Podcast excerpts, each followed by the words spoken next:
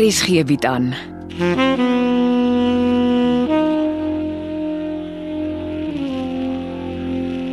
Afsluiting deur Jo Kleinhans.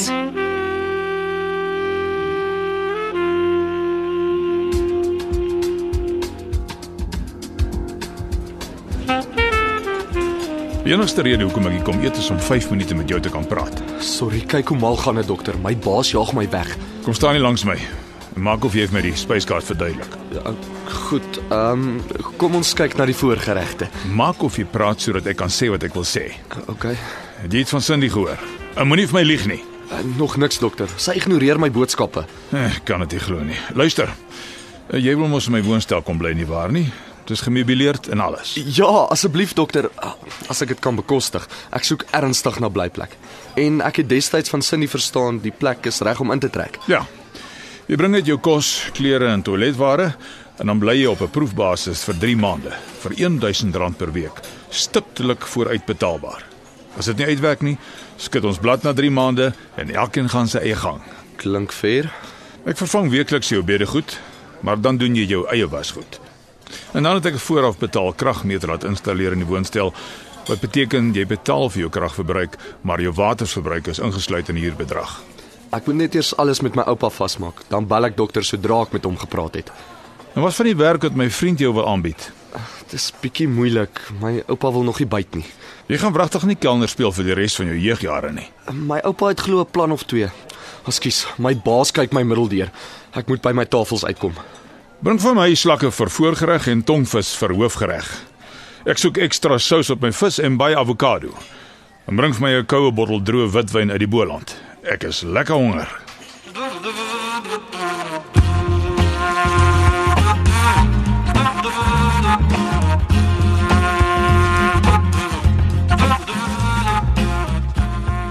Pa, ek is nie lus vir beklei nie. Ek is pyst.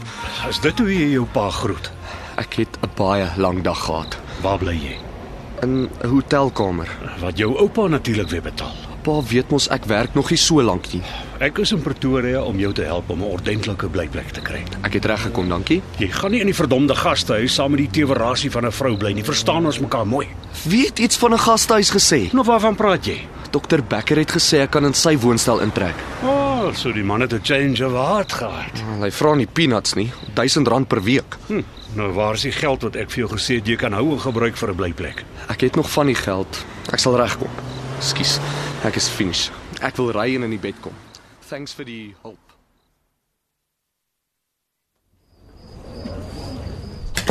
Jy's laat. Hallo sweetness. Waar's my oupa? Terug koster toe. Sy kop is nou net by sy koster het talent show. Ek het blyplek gekry, maar ek soek eers sy blessing. Waar? Dokter Dawie Becker se woonstel in die agtererf. Jy gaan nie by daai freksel bly nie. Het jy al gehoor van die uitdrukking beggars can't be choosers? Jy bedel niks by niemand. Ek het vir jou twee options. Of jy gaan bly in Grace se flat of jy gaan bly in 'n kamer in haar guesthouse. Ek dog jy gebruik Grace se flat vir besigheid. Ek het goeie nuus. Grace het die guesthouse geërf en sy het my gevra om haar in te trek en haar te help om die plek te manage. Kan jy dit glo? Sweetness Botha het 'n ander job. Sweetness, ek soen jou somme. Pa. Ek kan nie imagine hoe bly ek is nie. Wanneer trek jy in? So gou as moontlik. Dis hoekom ek gedink het jy moet in Grace se flat gaan bly. Maar gaan dit nie julle besigheidsplek bly nie? Daai dae is verby en dis haar eie flat. Dis waarvan my pa gepraat het. Weet my pa van Grace se aanbod. Van die guesthouse, maar nie van die flat nie. Hoekom? Hy het al die pad van Koster af Pretoria toe gery om my vanaand voor te keer toe ek uit die restaurant uitstap. Net om vir my te sê ek mag nie by die tewerasie gaan bly nie. Maar ek weet van niks en sê toe vir hom ek trek by dokter Becker se woonstel in en toe moet jy sy gesig sien. OK, hier's die deal. Jou pa weet boggerol van Grace se flat. Jy sê jy het die oulike vlekkie gesien en jy gaan dit nou huur vir 'n billike R3000 per maand en jy is so happy as wat kan kom. Hm, Sommer net so. Sommige net so. Jy wys vir Dawie en jou pa 'n toffie en jy gaan aan met jou lewe. Jy is skielik baie slim, sweetness Botus. Kom ek vertel jou 'n geheim. Die enigste rede hoekom Dawie jou uit die blou te sy flat aangebied het, is om Cindy terug te lok huis toe. Cindy kan hoe kwaad wees vir haar pa, maar sy is afhanklik vir hom vir sy geld.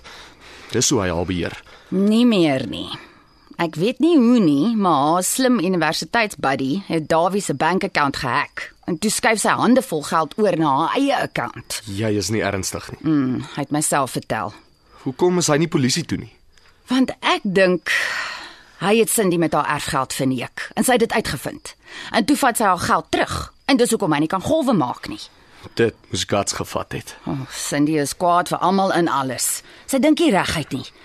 Sy moet oppas dat sy nie oorboord neek nie. Wel, die feit van die saak is, jy trek by geen bekker in nie.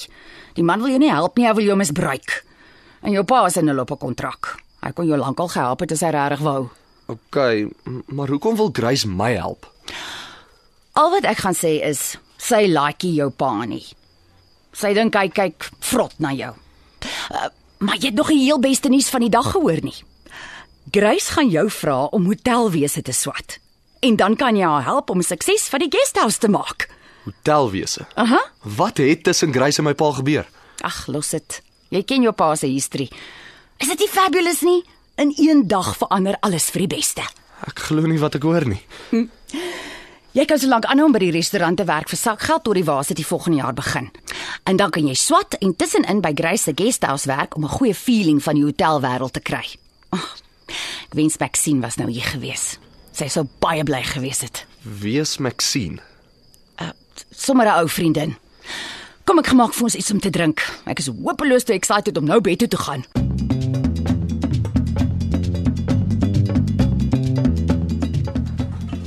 Cindy. Middag Konrad. Kan ons eenkant sit en praat? Uh, Wag.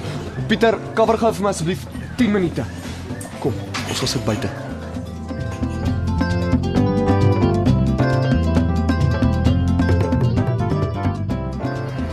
Ek neem aan jy weet waaroor dit gaan. Kom ek sê jou wat ek weet en dan vertel jy my die res. Sweetness was jou pa se eerste vrou. Jy het by jou pa se brandkluis laat inbreek en sekere dokumente uitgehaal en jy het ook geld van sy bankrekening na jou eie bankrekening oorgeskuif. My stiefpa is toe die vark in die verhaal, nes ek van die begin af vermoed het. Hy het 'n houvrou met die naam van Grace en hy betaal elke maand haar woonstelpaaiement vir haar. OK, dis waarskynlik nie die laaste keer wat ek en jy oor Grace gaan praat nie. Ek wil niks van haar hoor nie. Sy is 'n erger straatvrou as Sweetness en of dit nie genoeg is nie, het my stiefpa oor Sweetness gelieg en hy het my ma se testament vervals. Sy het alles aan my bemaak. Nie 'n sent aan hom nie. Met die vervalste testament skep hy toe 3 kwart van die geld af en sit 'n beheerklousule in oor my kwart van die geld. En dis hoekom hy nie polisie toe is nie. Hy sal dit nie waag nie, want dan is daar weer 'n klomp nuwe vrae oor my ma se dood. Ek is klaar met hom. Ons het niks meer om vir mekaar te sê nie, niks nie. Hy kan by sy ou vrou inkruip en haar nuwe erfporsie steel. Die vrou waaroor jy so briesend is en ek verstaan hoekom het haar woonstel vir my aangebied om in te bly en sy is bereid om my studies te betaal as ek hotelwese swat. Ek is te bang om te vra hoekom sy so 'n soft spot vir jou het. Moet haar ervarings met jou pa wees. Ek raai ook maar so. Wel. Die keuse is maklik. As jy 'n sent van daai vrou vat, sê jy Kubai vir my. Ek wil nie met haar of haar begunstigdes geassosieer wees nie. Jou pa het my hele woonstel aangebied. Ah, die arme swaap, dink ek sal terugkom soontoe as jy daar bly. Waarskynlik. Waar en hoe kontak ek jou? Besluit eers oor Grace. Miskien het jy nie my nommer nodig nie.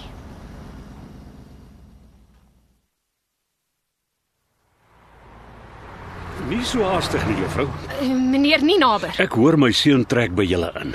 En ek hoor weer jou seun kan skielik pick and choose waar hy wil bly. Selfs jou skelmpie het vir hom blyplek aangebied. Van wie praat jy?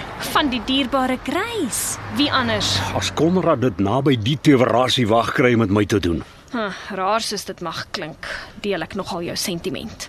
Straatvrouens hoort in die nag van man se lewens. Of hoe meneer Ninaber? Ek is nie vreeslik mal oor jou houding of jou stemtoon nie. Ek verpes mense wat rondloop met 'n chip op hulle skouer asof hulle iets of iemand is. Ek stres nie regtig oor wat jy van my dink nie en ek is glad nie mal oor paas wat hul kinders besteel nie. Jy is nogal bekkig vir 'n tronkvoël se dogter. Wat sê jy? Jy het my gehoor. Lekker aanstellerig oor straatvroue, maar intussen neek haar pa rond met laerskoolseuns. Hæ? Hoekom is jy nie bekkig oor hom nie? Ag man, Gaan vlieg in jou verstand. Jy, waarheen hol jy? Dit sê jou al les leer om so met my te praat.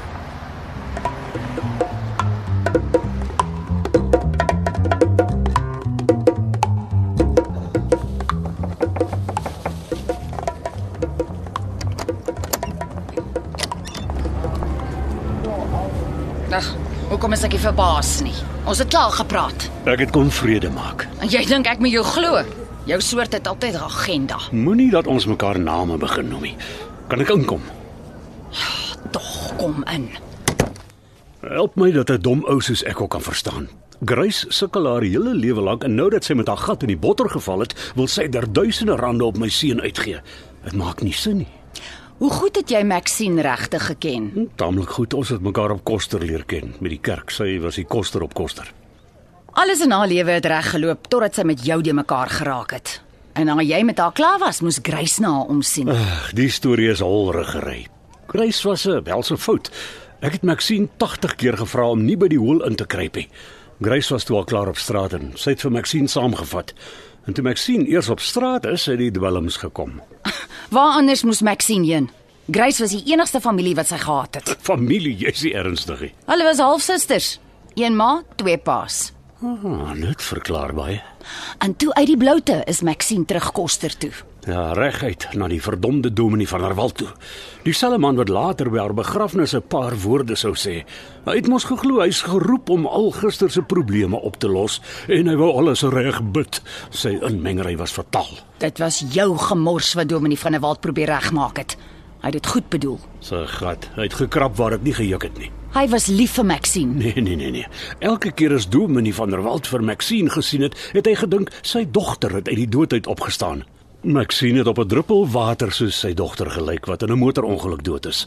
Dis hoekom hy Maxine nie kon uitlos nie. Dis ook waarom hy by haar begrafnis was. En nou wil Grace dieselfde fout maak. En ek sê nee, nie weer nie. Jy beter dink voor jy iets doms doen. Konrad is nie stupid nie. Jy kan nie net nee sê nie. Hy gaan honderde vrae vra. Dis my punt. Hy vra klaar vrae. Hy ken Grace van geen kant af nie. Julle het nie gedink voor julle met hom gepraat het nie.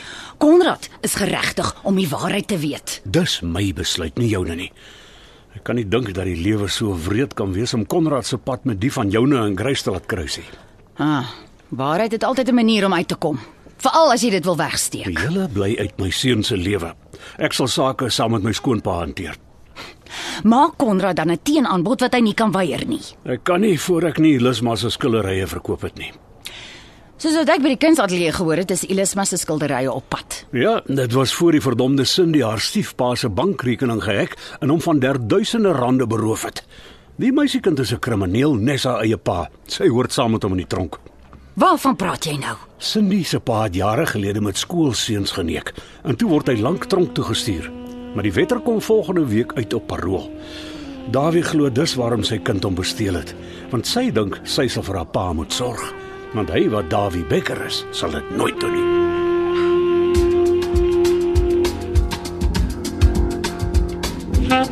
Afsluiting is geskryf deur Jo Kleinhans. Evit Snyman Junior en Bongwe Thomas beheerdig die tegniese versorging en die storie word in Johannesburg opgevoer onder regie van Renske Jacobs.